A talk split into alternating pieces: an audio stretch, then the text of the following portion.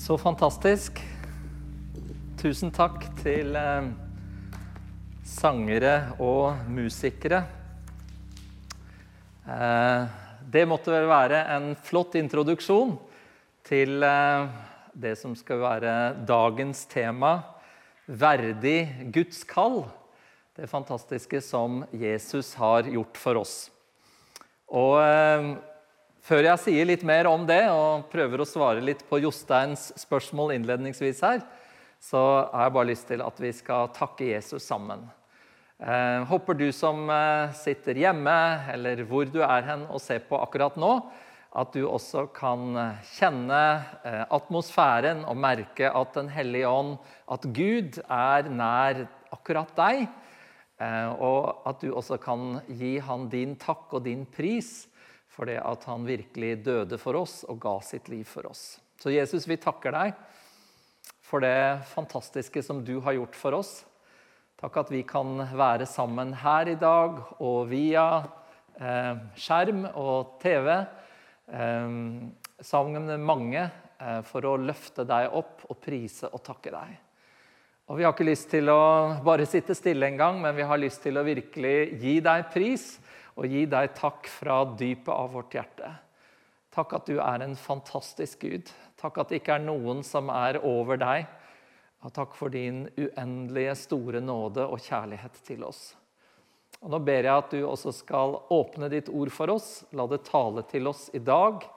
La det fylle oss, la det gi oss noe i våre hjerter som gjør at eh, vi kan gå ut i dagen i morgen og resten av dagen i dag også og kjenne det at eh, du er med oss, eh, og at du, Herre, eh, du har kalt oss, og du har satt oss i stand til å oppleve noe flott sammen med deg. Vi ber i Jesu navn. Amen. Amen. Så bra. Jeg må først få takke for muligheten til å dele Guds ord med dere i dag, og eh, faktisk også neste søndag. Eh, så jeg skal bruke to søndager på å prøve å svare på det spørsmålet med hva mener vi egentlig, eller hva mener Bibelen egentlig? For det er eh, i Bibelen dette uttrykket er brukt flere ganger, nemlig at vi skal bli eller være verdige Guds kall.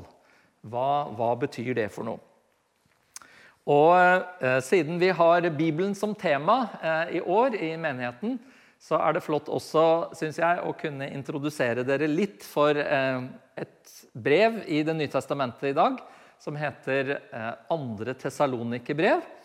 Eh, og det er eh, et av de eldste brevene faktisk vi har i Det nye testamentet som Paulus har skrevet. Og Vi skal lese litt sammen der også, men la meg bare først gi deg litt sånn konteksten rundt eh, hva vi skal snakke om.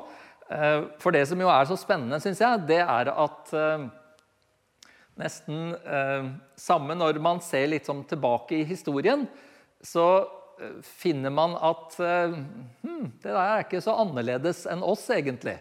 Vi tenker liksom alltid at vi er veldig spesielle, og det er ingen i verdenshistorien som har opplevd eller hatt det sånn som vi har det.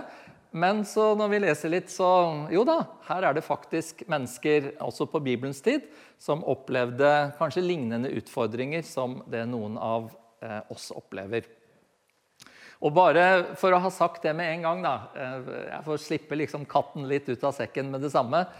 Eh, verdig Guds kall, det jeg håper du skal sitte igjen med etter disse to søndagene, det er at Gud har kalt oss til noe fantastisk. Du kan, hvis du sitter sammen med noen, så kan du jo dytte borti sidemannen og så si det at Gud har kalt oss til noe fantastisk. Hører dere det, folkens? Ja, det er bra. Tessalonikerbreverne, eller eh, Tessalonika, Tessaloniki eh, Det var en by hvor eh, Paulus og Silas grunnla en menighet allerede på sin første misjonsreise. Etter bare å ha vært der i tre uker så ble det en kristen menighet i den byen. Men så var ikke jødene der så begeistret for misjonsaktiviteten til Paulus og Silas. Så etter bare en kort stund da, så måtte de flykte fra byen pga. Eh, deres raseri. Og Paulus han måtte, eller han fikk til etter hvert å sende sin gode venn og medarbeider Timoteus til Tessalonika og tessalonikerne for å høre hvordan det sto til med dem, og fikk da en gledelig rapport tilbake. Ikke bare hadde menigheten overlevd alle disse eh, prøvelsene og den motstanden, men den var faktisk blitt en eksempelmenighet, denne unge menigheten. Og Så skriver da Paulus til dem først ett brev, og så eh, i hvert fall et brev til her, i andre Tessalonikerbrev. Og Denne gangen så skriver han for å rydde opp i litt misforståelser og falsk lære om Jesu gjenkomst og Guds dom. Eh, som ikke vi skal gå inn på i dag, men blant annet så var det en misforståelse om at Jesus kommer igjen så snart at vi behøver ikke arbeide lenger. Så man nærmest på en måte bare satte seg ned og ventet på at Jesus skulle komme. Og så måtte Paulus forklare at eh, det ikke funker ikke helt sånn. Vi må arbeide og eh, være i aktivitet. Eh, vi vet ikke akkurat når Jesus kommer. Eh, og så eh, eh, opplevde de litt av hvert av trengsler. Og jeg tror vi skal lese sammen de første fem versene da, i 2. Tessalonikerbrev, kapittel 1. Og der står det Paulus, Silvanus og Timoteus hilser menigheten i Tessalonika, i Gud vår Far og Herren Jesus Kristus. Nåde være med dere og fred fra Gud vår Far og Herren Jesus Kristus. Vi må alltid takke Gud for dere, søsken, som rett er. For troen deres vokser seg stadig rikere, og kjærligheten dere har til hverandre, blir større hos hver og en av dere. Når vi forteller om dere i Guds menigheter, kan vi derfor være stolte over den utholdenhet og tro dere viser i alle de forfølgelser og trengsler dere må tåle.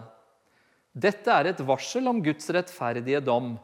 Når den kommer, skal dere finnes verdige til Guds rike, som dere nå lider for.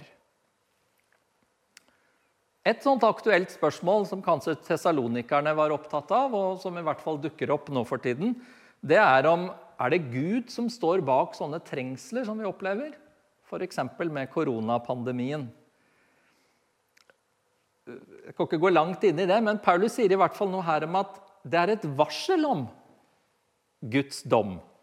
Altså noe som kan vekke oss litt opp til å tenke at dette livet vårt er egentlig litt usikkert, og at vi bør søke Gud fordi han har noe bedre for oss.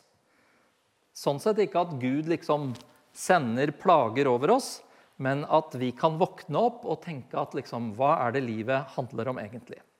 Men som dere så her, det Paulus var mest opptatt av, det var å egentlig rose disse tessalonikerne. Og han roser dem for tre ting.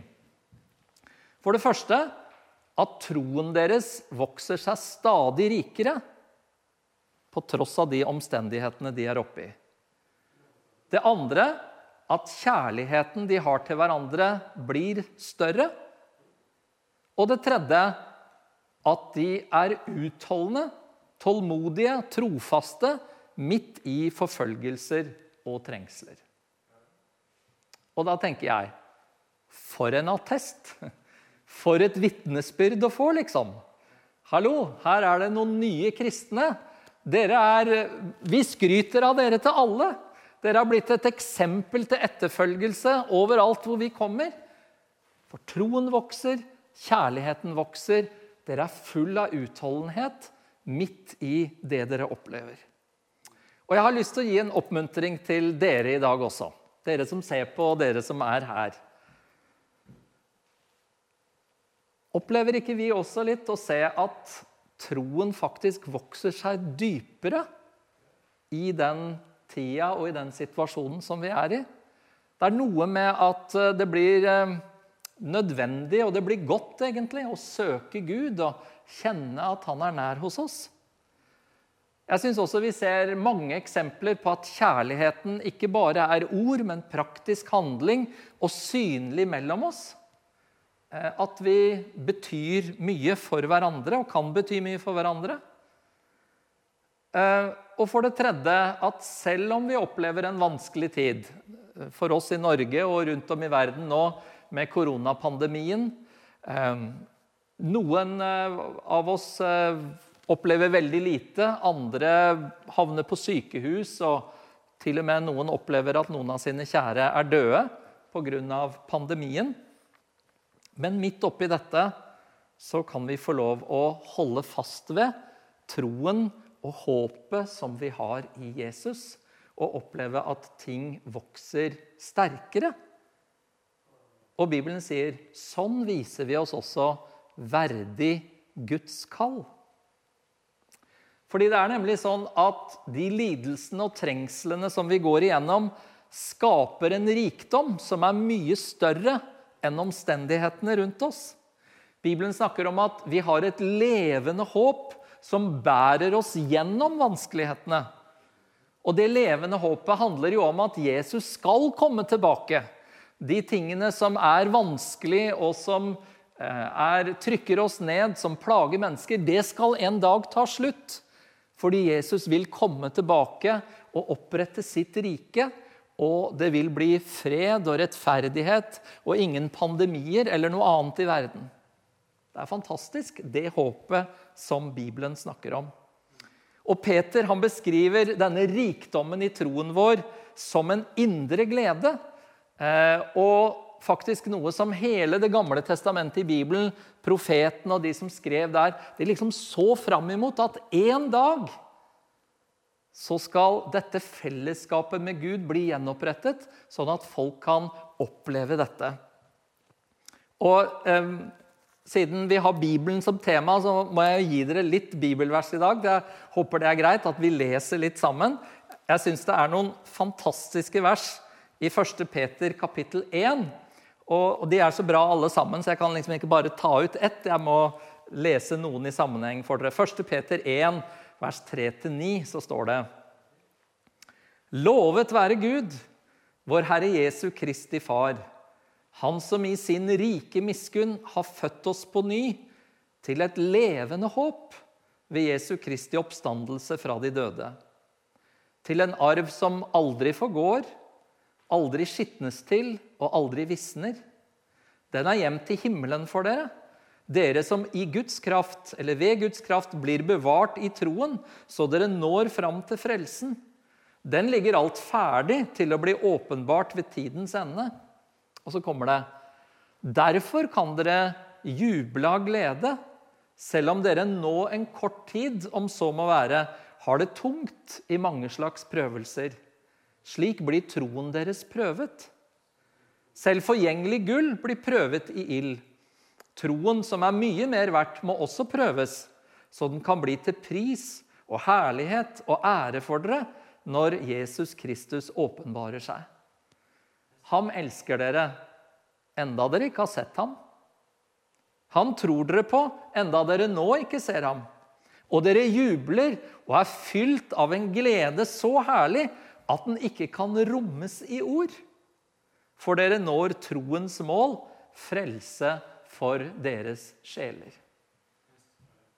Wow. Det er ikke bra? En glede så herlig at den ikke kan rommes i ord. Jeg elsker det uttrykket der. Det må være det som vi kaller ubeskrivelig. Hva? Men tenk, det går an altså å ha en sånn glede midt oppi det vi opplever nå. Jeg syns òg det er litt uh, vanskelig med korona, og jeg begynner å bli passe lei av hjemmekontor. og Det er liksom noe med å se folk, så det er jo veldig bra å være her i kveld og se noen. Være her i dag og se noen. Eh, så, eh, men, men, midt i små eller store vanskeligheter som vi opplever altså Hjemmekontor, tross alt, det er ingen katastrofe, liksom. Men vi kan få lov å eie gleden, håpet, troen på innsiden. Og la det vokse, la det bli dypere. La kjennskapen til Jesus vokse seg enda sterkere. Fordi at han er nær hos oss, og han ønsker å fylle oss og møte oss.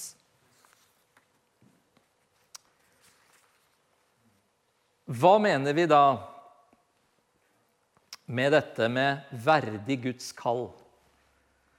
Paulus han skriver nemlig om det i flere av brevene sine og både ber for og formaner de kristne at de må leve verdig Guds kall.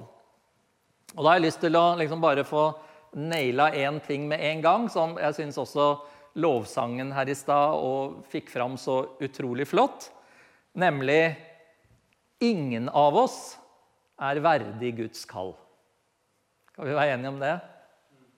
Det er ingen av oss som kan komme og si at Hei, Gud, har du sett på meg, liksom?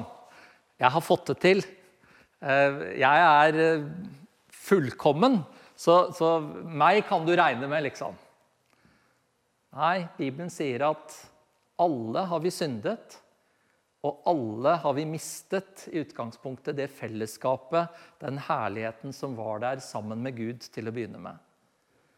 Men så er det fantastiske kristne budskapet, evangeliet om Jesus, det er at Gud, som er hellig, som er bare lys, ingen skiftende skygger, som Jostein sa innledningsvis, han kaller oss likevel til fellesskap sammen med seg. Og så gjør han det mulig ved at Jesus tar vår synd på seg. Og ved å tro på han, så blir jeg ren og rettferdig. Jeg blir fri. Jeg kan få lov å være i Guds nærhet og i fellesskap med han. Og faktisk være verdig Guds kall på grunn av det Jesus har gjort.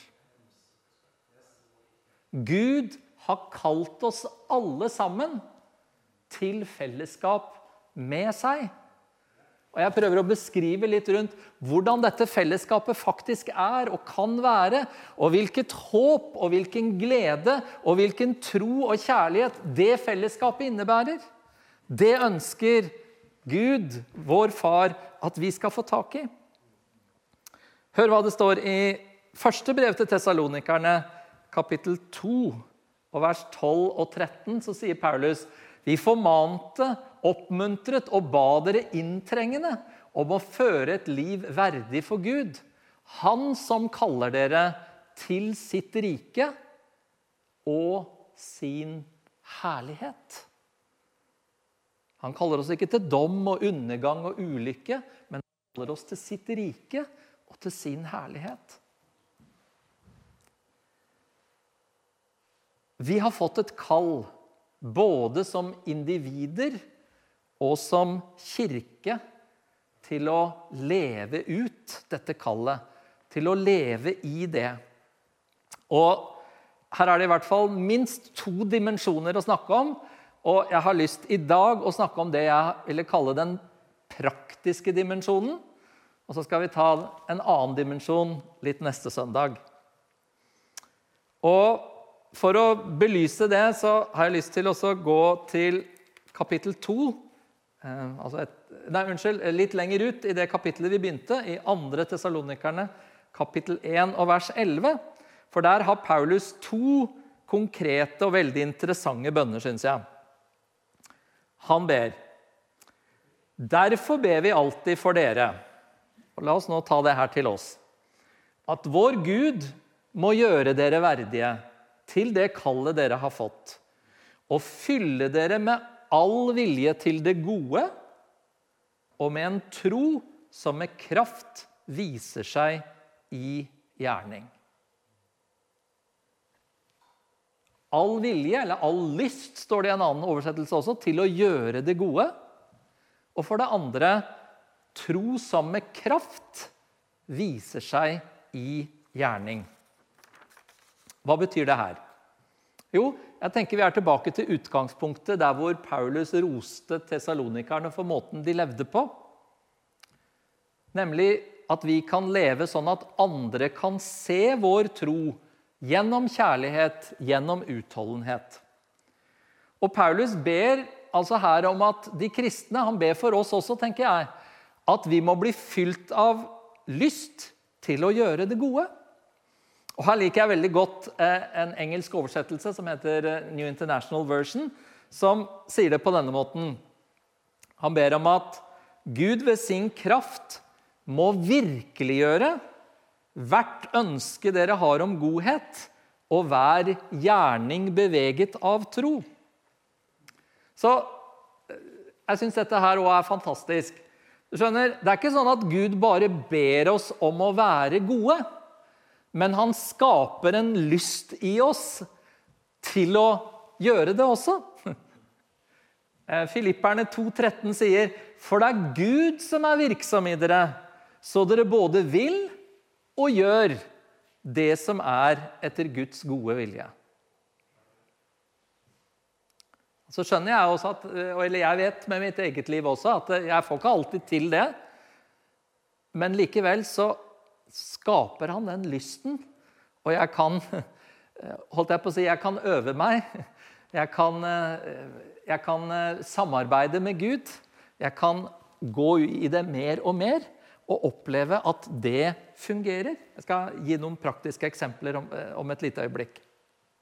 Men det andre som Paulus ber om, det er altså at vi skal få kraft til troens gjerninger.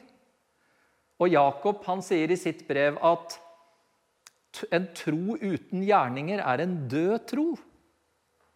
Og Johannes han skriver, 'Mine barn, vår kjærlighet må være sann.' Ikke bare tomme ord, men handling. Og her er det liksom, blir det en forskjell da, tenker jeg, mellom at vi skal prøve å ta oss sammen og få noe til, eller å la Gud faktisk få arbeide i oss og gjennom oss.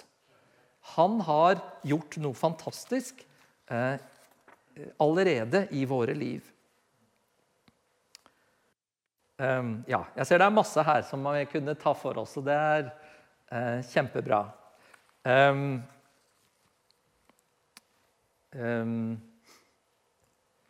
La meg gi dere et par eksempler. Eh, her om dagen så eh, var det en student som hadde skrevet en mail til meg. Og jeg liksom tenkte hm, hva kan det være for noe? Og så åpna jeg opp. Så var det en lang mail hvor en student gjerne ville uttrykke hvor fornøyd han var med både det ene og det andre. Og Jeg ble sittende helt sånn med hakeslepp. Jeg, og, eh, og, så sto det til slutt også at jeg, måte, jeg måtte gjerne dele den med noen andre. og jeg trykka jo videre og liksom sendte, og alle liksom var, som fikk mailen av meg, det var sånn Wow, er det mulig, på en måte?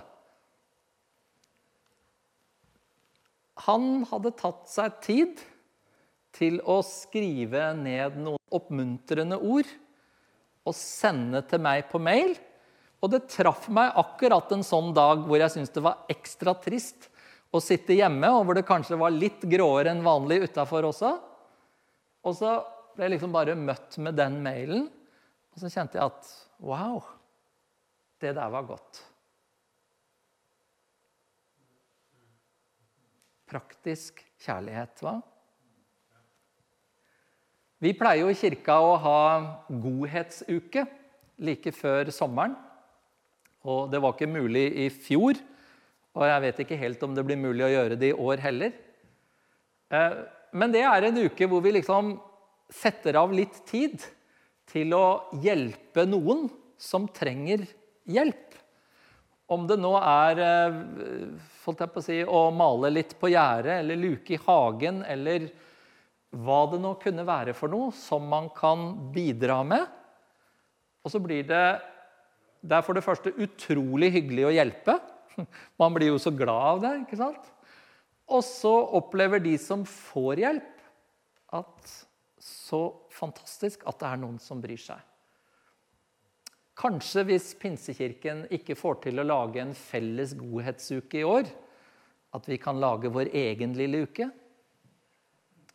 Kanskje vi kan tenke litt på hvem er det i nærheten av oss Eh, kanskje be Gud om å vise oss noen som vi kan hjelpe. Det er mulig. Og hvis vi alle sammen finner noen, så blir det jo en flott godhetsuke likevel, selv om ikke Pinsekirken organiserer oss alle sammen. hva? Så som mange vet, så jobber jeg jo eh, også for Pinsekirken i Bulgaria med misjon. Eh, og i løpet av fjoråret så fikk vi eh, mulighet til å sende ned litt hjelp eh, ved et par anledninger. Som gikk til at menigheter kunne kjøpe noen matposer og gå og dele ut i nabolaget til folk som trengte det. Spesielt blant romfolk i Bulgaria. Det var også utrolig flott. Det var virkelig et privilegium å få lov å være mellommann mellom den hjelpen og ta imot all takken og alle bildene som kom tilbake av glade og takknemlige mennesker fordi du og jeg hadde gitt litt av vår overflod til noen som manglet nesten alt. Vår kjærlighet må ikke bare være tomme ord, men handling. At troen vår får vokset seg dypere. At kjærligheten kan bli synlig mellom oss. Og at vi kan være utholdende i tro og tålmodighet med det Gud har gitt oss.